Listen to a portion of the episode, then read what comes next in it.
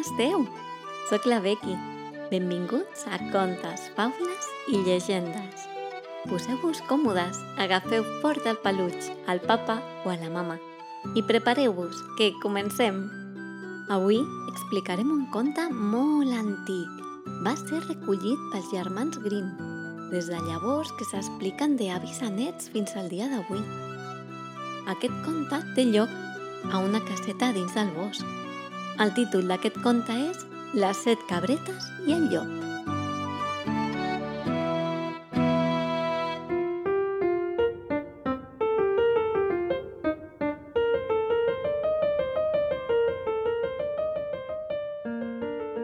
Hi havia una vegada una mare cabreta que tenia set cabretes.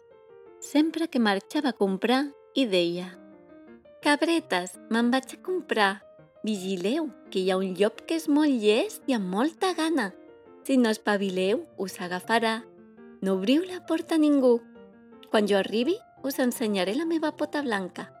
Però un dia el llop va sentir tot això que li deia la mare i va aprofitar quan va sortir per picar la porta de la casa de les set cabretes. Hola, cabretes. Obriu-me la porta. Soc la vostra mare. La mama, la mama té la veu molt dolça. El llop va pensar què podia fer amb això que li havien dit les set cabretes. Va rumiar i va pensar que aniria a una granja de ous. Diuen que les clares d'ou fan la veu més clara. D'aquesta manera, assemblaria més a la veu de la mama cabreta. Així, va començar a menjar les clares d'ou. Una. Dos, gluc. Tres, gluc. Quatre, gluc. Fins a cinc clares d'ou es va menjar.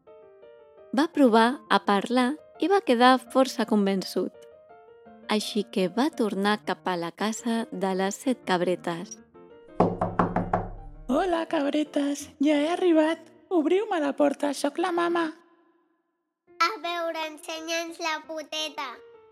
El llop va ensenyar la poteta i en veure les cabretes que era de color negre, no s'assemblava pas a la que tenia la seva mare. I li van dir, Tu no és la mama, la mama té les potes blanques. el llop, que va veure que el van enxampar, va pensar a on podia anar per fer que la seva pota sigués blanca. Així que va córrer cap al moliner a demanar un sac de farina. Es va posar tot el sac a la pota. Li va quedar ben blanca. D'aquesta manera va poder continuar amb el seu objectiu. Es va posar camí a casa de les set cabretes i va tornar a provar. Hola, cabretes. Ja he arribat a comprar. M'obriu la porta? A veure, ensenya'ns la poteta.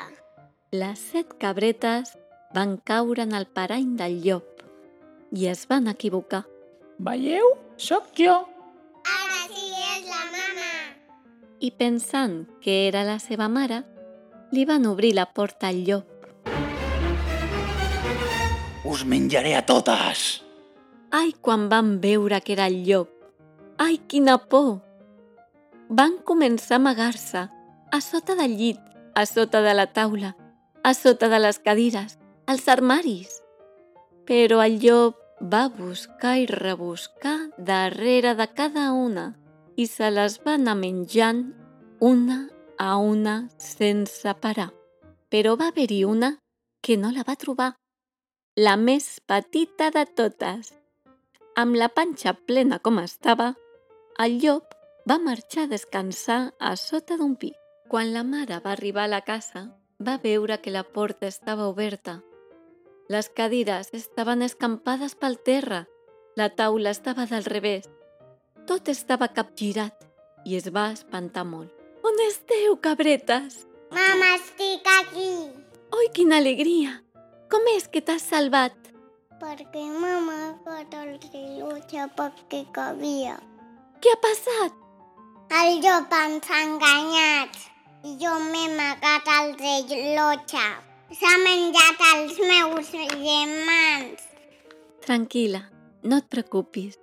Haurem de ser ràpides. Agafa la cistella i el cosidor que el llop sempre es posa allà a la vora del riu a fer la migdiada, a l'ombra d'un pi, i anant cap al riu, la mare i la cabreta petita van arreplegar pedres, pedres i més pedres, i van omplir la cistella. En arribar-hi, van trobar el llop dormint sota un arbre.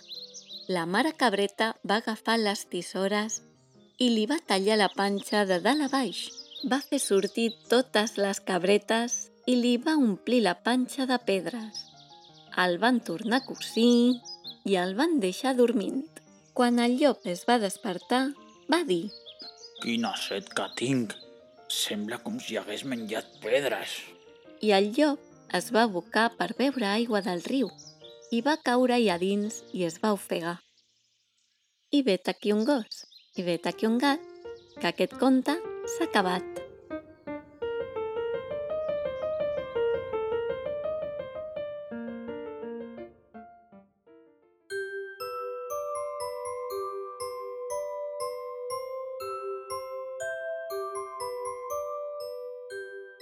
En aquest conte hem après que sempre hem de fer cas a la mama i al papa. El que diuen és per cuidar-nos. També que hem de vigilar perquè de vegades ens volen enganyar. Aquest ha estat el conte d'avui. Esperem que us hagi agradat molt. Si voleu que expliquem algun conte o llegenda de la zona d'on vius, ens podeu escriure i farem el possible per explicar-ho ben aviat. Ens posarem molt contents si us subscriviu a aquest podcast. Així us podrem avisar quan fem un altre. I no oblideu compartir-ho si us ha agradat. Us esperem als nostres perfils d'Instagram i Twitter que teniu a la descripció. Ens trobem en un altre conte i, com sempre, seguiu somiant!